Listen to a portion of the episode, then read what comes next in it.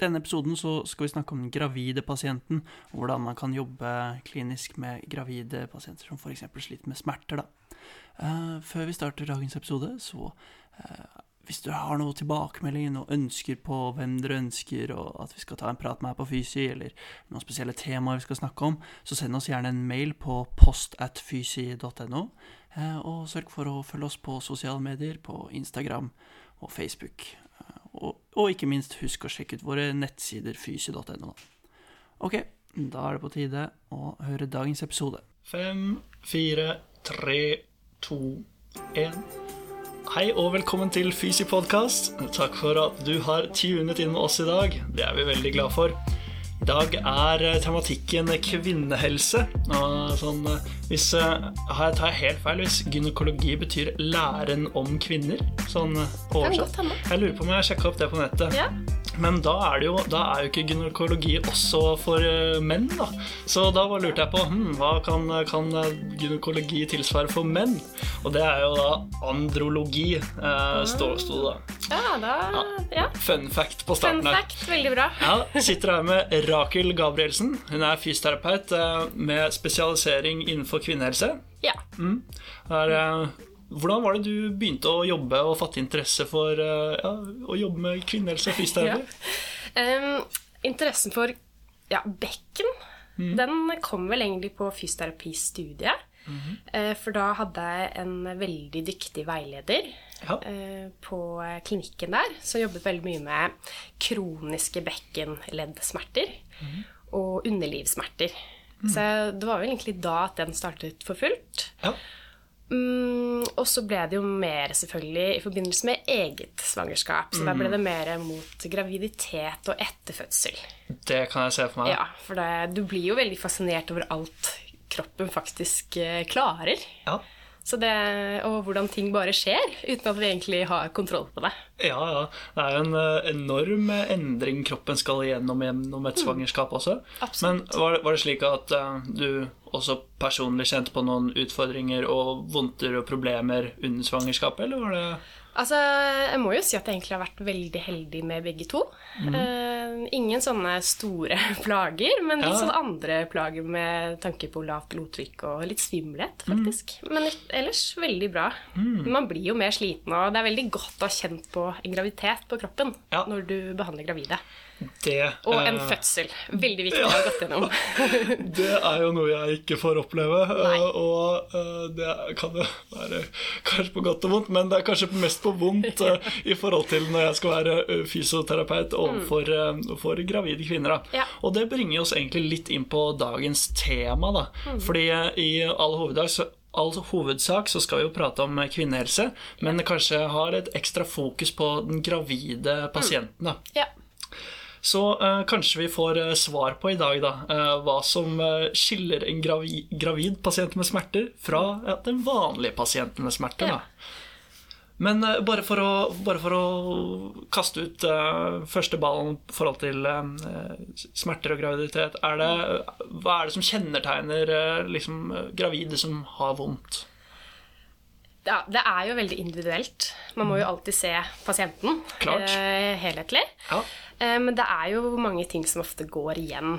Mm. Og det er jo, det jo ca. halvparten av alle gravide har smerter i bekken eller korsrygg. Mm. Eh, så det er jo mange.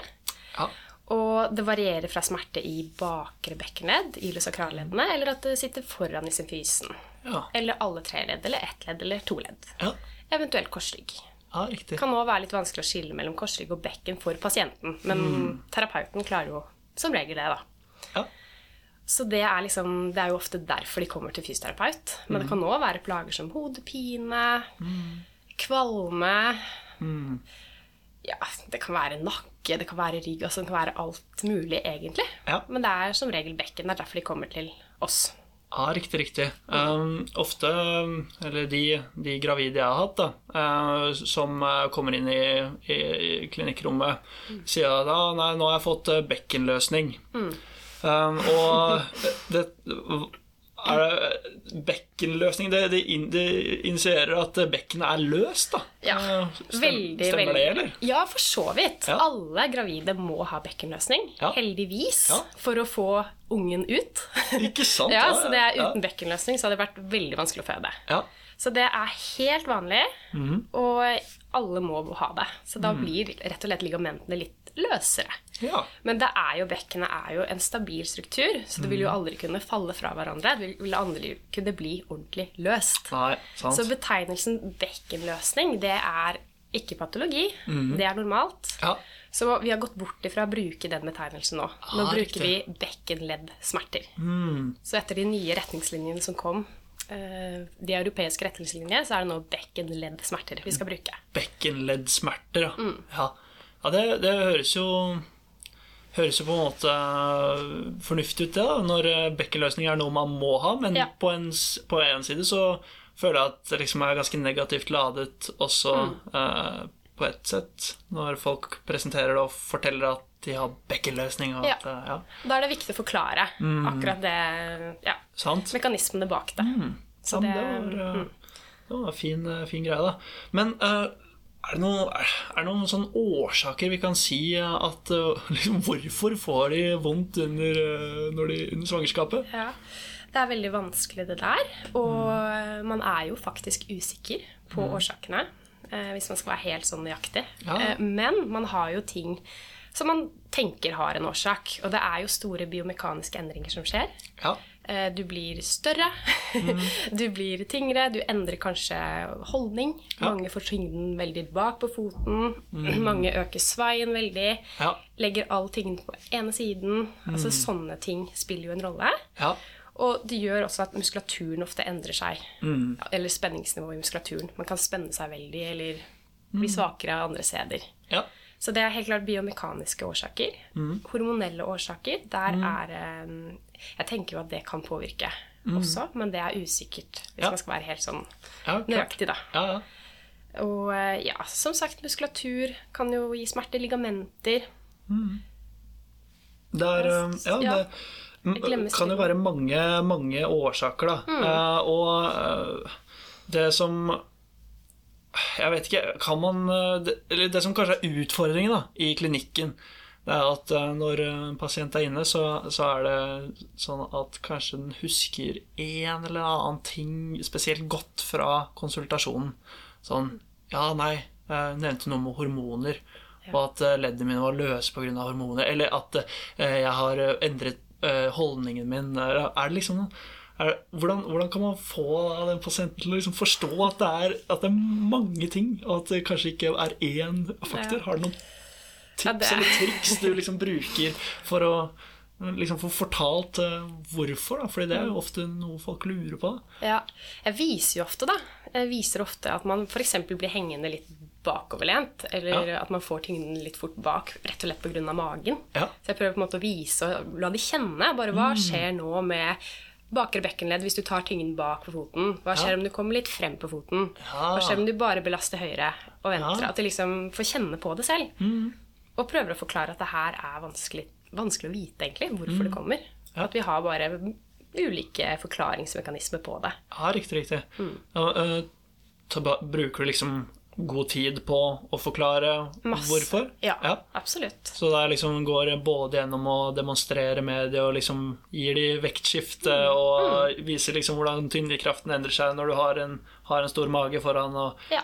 Ja, Alt, det påvirker jo alt. Alt blir jo tyngre. ja. ja. Sirkulasjonen eh, Jeg jobber jo for to, og er livet er generelt litt tyngre.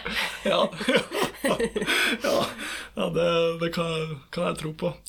Um, er det noe, liksom, noen røde flagg, noen store varsellamper, eh, hvis du får inn en gravid pasient? Er det noe, en, en sånn typisk presentasjon, eller noen, er det noen ting du hører som du automatisk tenker deg sånn, «Å, ok, det her må vi undersøke nøyere. Eller Med tanke på bekkenet, eller generelt? ja, eller liksom det kommer inn en Det, kommer, det, er, det blir jo litt eh, generelt, for så vidt, fordi eh, røde flagg går jo, eh, går Ja. jo på mange. Ja, men, men gjelder de samme røde flaggene for den gravide pasienten, eller er det noen spesielle ting som Ja. også er viktig å ha fokus på? På mange måter så det er jo de samme røde flaggene som, som vanlig. Ja, ja. Men det er jo, her er det viktig å spørre om de har vært, går under oppfølging hos jordmor og lege. Det er liksom alltid et av mine første spørsmål, for Mm. Ja. da vet jeg på en måte at det er mange ting tatt hånd om. Ja, riktig. ja. Men sånn typisk hvis det, en pasient kommer med veldig hodepine, Mm. kraftig hodepine, eh, så kan jo det være et tegn på svangerskapsforgiftning, f.eks. Ja. Og da ber, ber jeg de sjekke opp det. Ja, riktig, Oppsøk lege. Ha lav terskel for å gå til lege. Eller endring i blodtrykk. F.eks. Ja. Mm. plutselig at blodtrykket har gått litt opp. Da. Um, eller hvis de er veldig bekymret for smertene. Ja. Ekstre, altså, redd for om det her skal gå bra i det hele tatt. Redd for Mm. fødsel, redd for uh, ja, mye bekymring. Ja. Tenk at Da trenger de også litt mer Det er ikke et rødt flagg, det er mer gult flagg. Mm. Ja. Det gjør det. Men de trenger i hvert fall um, litt mer oppfølging. Ja. All Så, right. ja. Men for å svare på det du egentlig spurte om, ha god dialog med lege, jordmor, og ha lav terskel for å Mm. Spørre noe om noe. Veldig Også godt med tanke eh, på blødninger og, Mm. og, magesmerter utenom kynnere. Ja. Ja. Så er det eh, Gode, gode tips. Og, ja, så involver deg i hele situasjonen med Ja, pasienten. rett og slett. Ja. Hva er det som skiller eh, pasientene som en eh, fysioterapeut med spesialisering på kvinnehelse kan ta, versus en vanlig fysioterapeut? Hvor er liksom skillet eh, blant pasientene her? Hva, hva, er det, hva, er det du, hva er det du bør liksom eh, se på, som ikke kanskje jeg eh, burde, burde ta i? Det kommer veldig an på pasienten der òg, selvfølgelig. Men Mm. det viktigste for alle som skal behandle gravide, er jo at du har litt kunnskap om prosessen som skjer, og at ting er ganske mye tyngre. Mm. Ja. Og liksom, hvis du bare er en kjempeivrig fysioterapeut som kan gi masse øvelser, og du har en tredjegangsfødende, en Ja. tredjegangsgravid, med to viltre barn hjemme, så er kanskje energioverskuddet litt lavere, da. Så hvis man har satt seg litt inn i det, og har liksom generell kunnskap om bekken, så tenker jeg at da, og det kommer bare typisk smerte i ett IS-ledd, sprek og frisk og rask eh, gravid, tenker at da kan jo du ta det. Ja. Ja, da Ja. det, det er ganske basic og øvelser og kanskje litt massasje og tøyning og sånn. Ja. Hvis det er smerter i alle tre ledd, så er det, det er jo risikofaktor for at smertene blir vedvarende igjen. Så da tenker jeg at det er greit at du følges opp hos en eh, som har litt mer Ja, riktig. Ja. og Hvis det er store gangvansker, f.eks., så tenker jeg det er viktig at noen med spesialisering ser på. Eh, Eller veldig Jeg bruker jo ofte den NRS-skalaen fra 0 til 10. ja. Og hvis du da ligger veldig høyt på den, ja. så er det òg på en måte indikasjon på at da kanskje noen med litt mer peiling skal se på. Ja. Men det er helt klart å gi generelle råd. de- Det er jo ofte mye øvelser som skal gis, og trygging. Sånne Ja. ting. Det kan jo en vanlig fysioterapeut gjøre også. Det er sant. Og så ofte med en eh, NRS og, eller NPRS, eh, så er det jo ofte eller Jeg opplever i hvert fall mange ganger at folk sier ti, da. Ja. Og det er, det er jo kanskje mer at sånn Kanskje de behovet de selv føler for hjelp, er en tier, men kanskje ikke vondten er en tier. Mm. Nei, så da må liksom man definere, se, se ja. litt sånn eh, Ser det ut som en tier, på en måte? Ja, ja, ja. Ja. Så det er, eh, men, eh, men eh, fint. Det var egentlig oppklarende sånn litt konkret Hvilke, kall det alvorlighet eller grad av irritabilitet som en, en spesialist bør se Mm. ja på. og bekymring. Av og til må faktisk noen bare ha litt Eller hjelp Kall det placebo, da. Men ja. kanskje det hjelper å komme til en som har litt mer spesialisering. Absolutt. ja da. Ja, da. Det er eh, ingen tvil om at eh, det hjelper å ha litt uh, tittel og Mm. jobbe. Men det er jo klart, du ser jo også mange mange innenfor samme gruppe, og du har jo liksom du har en god drive på det når Ja. man jobber primært med en gruppe sånn nå. da. Og det er jo det samme at uh, man er jo god på forskjellige ting. Det er veldig vanskelig å bli god på alt. Mm. da får man eventuelt spørre noen, da. Hvis man trenger råd Ja. om en pasient, og det er en gravid, så er det jo veldig mye man kan gjøre Sant, sant. med sånn generell fysioterapi. Ja. Ja. Det eh, Vi har vært litt sånn inne på sånn viktige ting å spørre om i anamnesen. Sånn, um, hør det, om det er liksom god kontakt med jordmor, eller om de har vært på kontroll hos jordmor, eh, om du har kommunikasjon med lege. Ja. Uh, men er det noen andre viktige ting som er liksom greit å inkludere sånn i første møte, eller Ja. generelt når man prater med Jeg spør jo alltid om ja, de tingene du sa, hvor langt Mm. de er på vei, hvordan har svangerskapet vært til nå, Mm. har de noen spesielle hensyn, f.eks. ekstrem svangerskapskvalme, Ja. Eh, har de født før, Ja. hvor mange barn, hvordan var fødselen da, hvordan var sist graviditet, hadde de vondt, hvordan var de etter graviditeten, aktivitetsnivået i graviditeten og eventuelt tiden etter. ja. Jeg sa fødsel. Ja, fødsel er veldig viktig. Ja, med tanke på ja. eh, om det blir noe skade på bekkenbunnen eller Ja, ja, det går vel, undergår vel en viss, uh, viss traume, det, etter en fødsel. Ja. Altså, jeg har jo sagt det med smerte, intensitet og bekymring. Og så prøver jeg å liksom kartlegge hva gjør vondt, hvilke situasjoner gjør vondt. Mm. Når er det vondt? Er det vondt om morgenen? Er det vondt på kvelden? Mm. Ja, liksom god smerteanamnese. Ja. Og Ja. hvor sitter det? Ja, så generelt sykdommer og alt det andre. Ja. ja, men ok. Veldig bra. Og så er, eh, kan bare, Ja, ja, man kan også bruke standardiserte spørreskjema. ja, eksempel The Pelvic Girl Questionnaire, som er veldig bra. ja, det, The jo, Pelvic Girdle Questionnaire. Bra. Ja. det er jo Britt Stuge som har utvikla. Ah, ja, Så det finner man jo på Er det Ja, det får man google, så Ja. finner man det. Ikke så kommer vi til å lage en sånn, eh, en sånn eh, bloggpost på fysi.no der eh, du finner både podkasten med Rakel og også eventuelt linker eller Ja. artikler som skulle være relevante. Så vi legger jo inn den, den questionnairen der, da, i hvert fall. Ja, det, den Mm. er veldig fin, og da har du liksom Da får du kartlagt funksjonsnivået og Ja. symptomene. Så det, det er veldig bra. Ja, ja, jeg elsker jo når, eh, når folk kommer med hvordan man kan ha objektive mål på ting. Og det, Ja. det blir jo virkelig en Questionnaire er jo klasse, klasse der, da. Absolutt, det er veldig bra. Ja. Og så spør jeg òg om bekkenbunn. Da spør jeg etter eh, lekkasje. For Ja. det er jo veldig vanlig. Det er stor belastning på bekkenbunnen i ja. graviditeten. Inkontinens. eh, Inkontinens, eh, eller altså enten Ja. urininkontinens eller avføringsinkontinens eller luft. Mm. Så det, alle kan jo eh, være plaget med det. Ja. Én av tre i tredje trimester plages med inkontinens. ja, riktig. Ja. Så det er viktig å kartlegge det også. Ja. ja. Og da eventuelt be de knipe, da. Mm, ja, ikke sant. Stemmer, ja.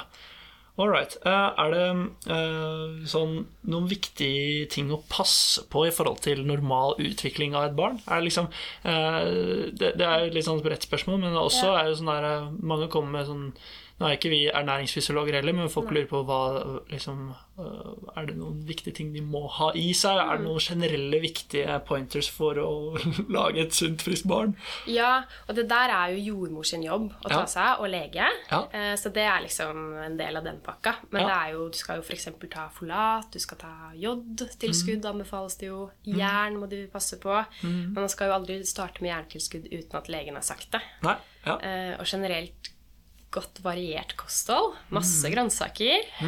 Ja, ja. Unngå for mye sukker. Ja. Eh, svangerskapsdiabetes er jo dessverre altfor vanlig nå. Å ja. ja, riktig. Så man tar, må jo ofte ta sånn glukosetest. Ah. Så da har jo kosthold og trening Ja, mm, ja riktig. Ja.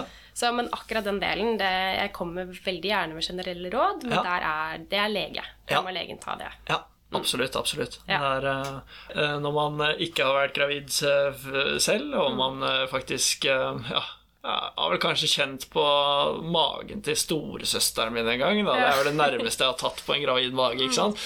Um, liksom, hvordan, hvordan forholder man seg til den eh, magen? Den og, magen. liksom, ja, tar man på den, tar man ikke på den? Er liksom, beve, beveger du, palperer du? Hva, hva gjør man? Jeg gjør ikke så mye med magen. Nei. Det er også jordmor som følger opp det symfyse fundus-målet for å liksom følge normal vekst. Ja, ja. Um, jeg kan liksom jobbe litt med midjen siden. Den Mm. torakolumbale fasen kan jeg ofte strekke litt på, for det liksom, der blir det veldig stramt. ja ja. Men jeg gjør veldig lite med magen. Det er eh, det jeg tenker den kan få være i fred. Mm. Ja. Det blir eventuelt å trene de dype stabiliserende musklene. Det er jo det er helt greit. Mm. Ja. Men ellers så sånn type eh, situps og sånn er jo veldig dumt akkurat da. Så magen, den får være i fred. Den får være i fred. Ja, men eh, da, da legger vi den død, gutta. Vi lar, lar magen være i fred. Ja, men det er bra. Uh, ok. Uh, er det noen um, ja, spesielle posisjoner man burde passe på å ikke legge en gravid i på, på, på benken Ja. i salen? Nå nevnte du liksom sånn situps, som Ja. er der liksom andre. Ja, ligge på magen, da, selvfølgelig. Ja. Veldig dumt. Ja. Og, men òg ligge på ryggen, faktisk. Okay, ja. Og det er jo en del som sliter med vena cava inferior syndrom. Så det Ah. blir en avkledning på vena cava, eh, som fører da blodet tilbake til hjertet. Ja, ja. Og da blir man uvel og svimmel og skikkelig dårlig med en gang. Så da må man bare komme seg opp på siden igjen. Ikke sant. Ja. Og, eh, men det er, jo, det er jo ikke alle som får det. Nei. Men de som får det, blir eh, Det bør man ta hensyn til, da. Ja, Og så er det jo mange som bare De får veldig vondt i bekkenet av å ligge på ryggen. Ok. Ja. Så det jeg behandler alle gravide i sideliggende. ja. Mm. ja.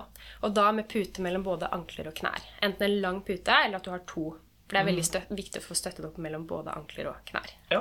Ok. Ja, du, Mm. Og gjerne pute foran magen òg, hvis du, du skal ligge stødig og godt på benken og slappe av. Mm. Ja, riktig. ja. ja så, så på en måte legger de komfortabelt på sida og støtter godt opp med puter, og så har de liksom en god utgangsstilling Mm. for å, å jobbe med, med det som eventuelt måtte jobbes med. da. Mm. Ja, riktig. ja. Mm.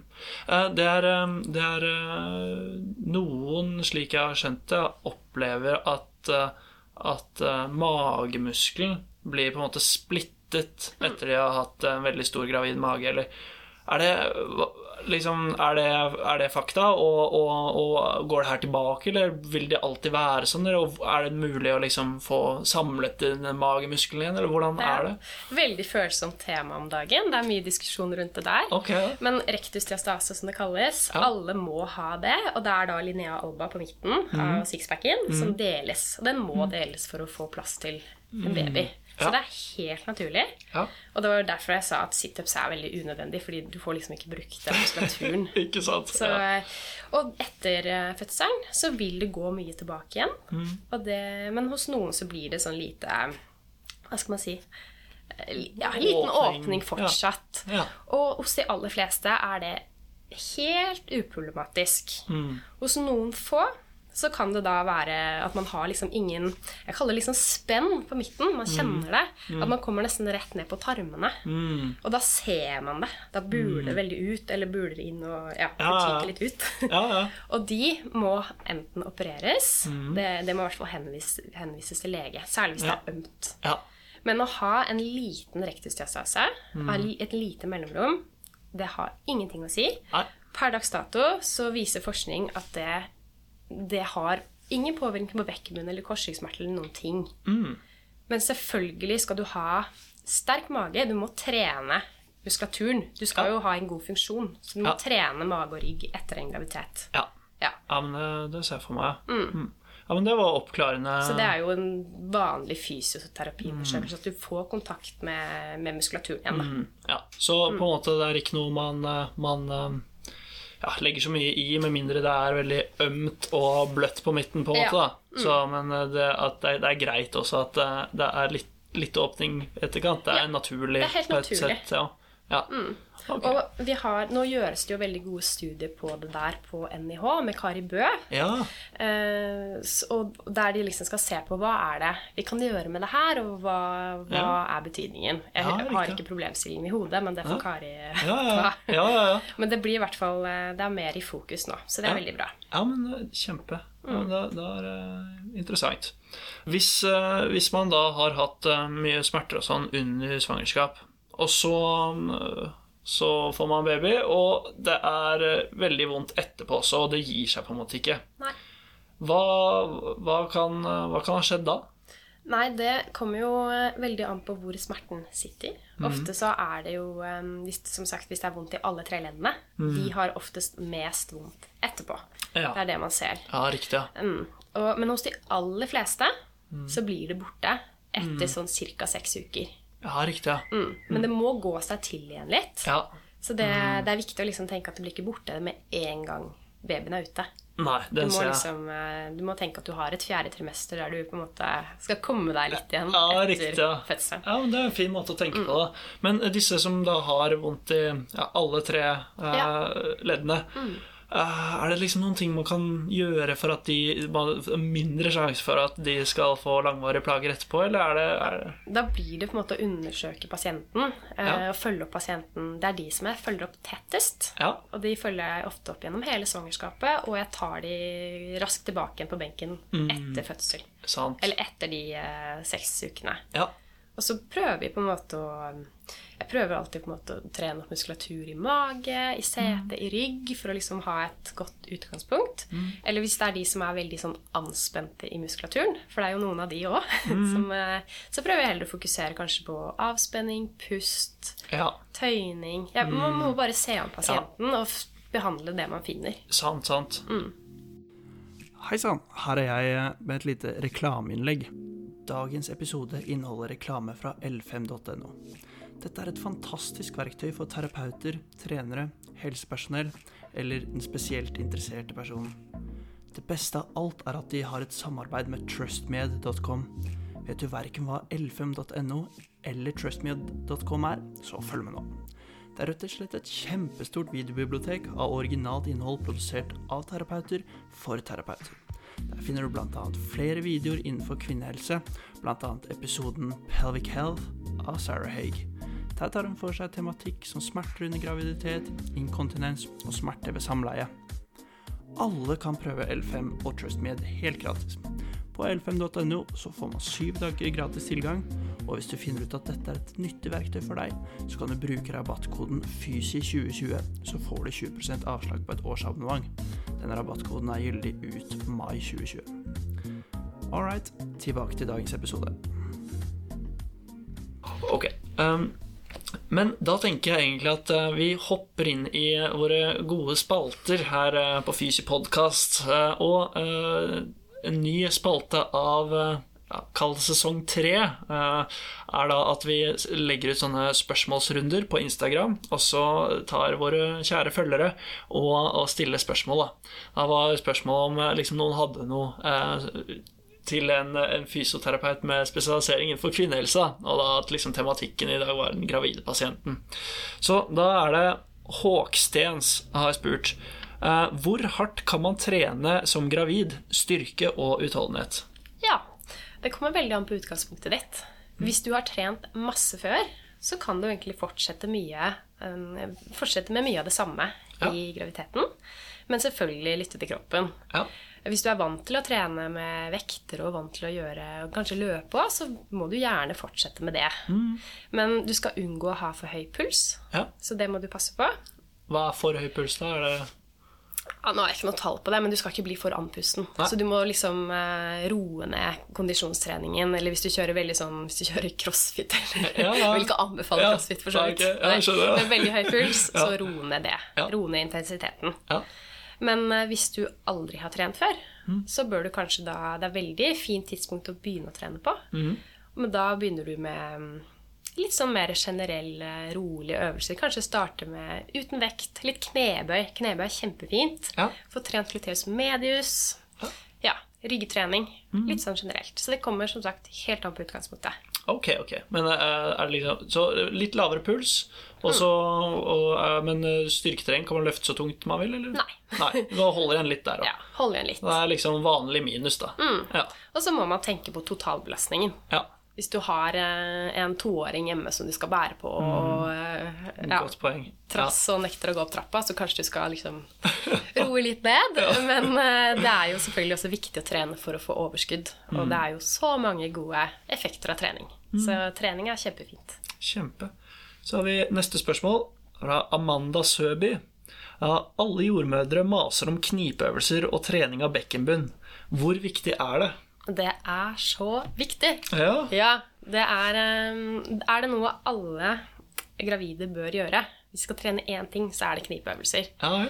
Og da skal de virkelig få fokuset på bekkenmunnen. ja. For å liksom vite at man har, har den kontakten, så kan man jo f.eks. stoppe strålen når man tisser. Ja. Men det er ingen øvelse man skal gjøre. Man kan gjøre det for å liksom teste at man har det. Eller så Ja. kan man bli undersøkt hos en fysioterapeut. selvfølgelig. Ja.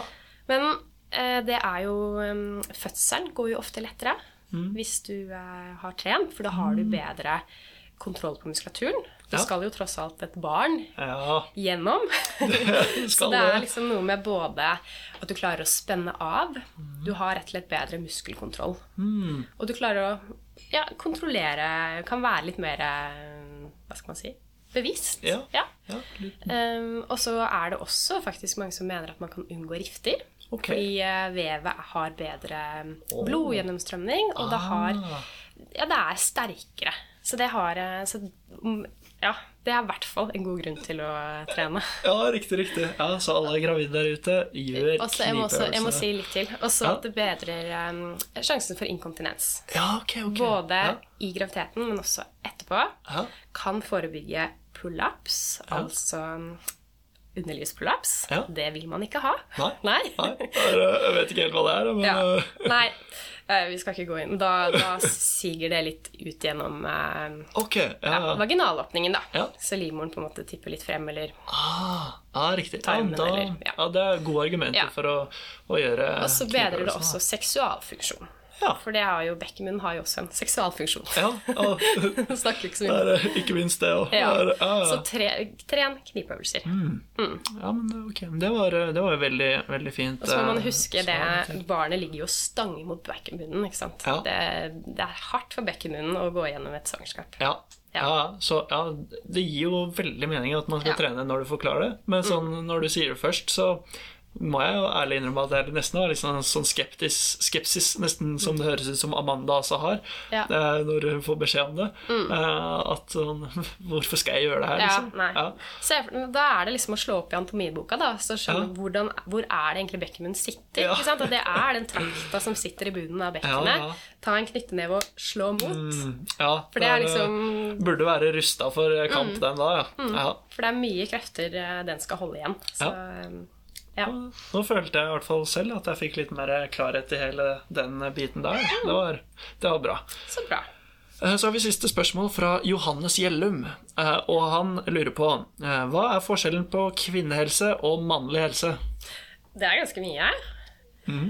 Kvinnehelse det går jo da selvfølgelig på kvinner. Og Ja. kvinner har jo ganske mange hormonelle endringer som skjer, skjer gjennom livet. Ja. Eh, alt fra menstruasjon og syklus og eh, graviditet, amming, mm. overgangsalder. Menn har jo også overgangsalder. Ja. Men, eh, men det er ganske mye som skjer med kvinner. Ja. Vi er jo ikke like. Nei, nei det, er, det er sant, det. Mm. Nesten all forskning som er gjort, det er jo gjort på menn. Ja, ja, det er jo helt sjukt at det egentlig er, er fakta. Så vi trenger absolutt eh, noen som fokuserer på kvinnehelse. Mm, absolutt. Vi hopper videre inn i vår neste spalte. Gråsonefleip eller fakta. Det er eh, da I vårt fag så er det ikke svart eller hvitt. Eh, Da må vi rett og slett kunne godta et svar i gråsonen. Så her har jeg skrevet eh, tre påstander.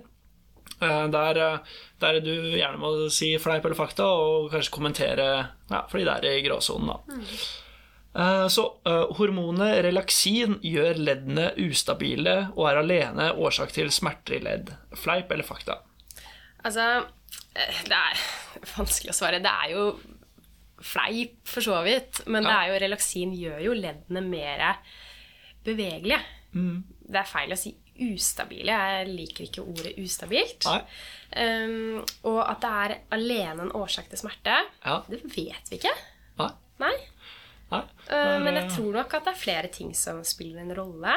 Kanskje noen arresterer meg her nå, men jeg vil tenke at det, det er litt mer sammensatt enn som så. Ja, Men du skal det- ikke være redd for at noe er ustabilt. Det er sant. Og så er det vel eh, dette hormonet relaksin blir vel skilt ut hos alle som er gravide. Ja. Og alle som er gravide, har jo ikke vondt heller. Det Så det er, eh, det er jo det er sikkert mange, mange ting, da. Men at man blir litt, litt skjørere, på en måte, det gjør man jo i bekkenet. Mm. man tåler litt mindre, på en måte. Ja.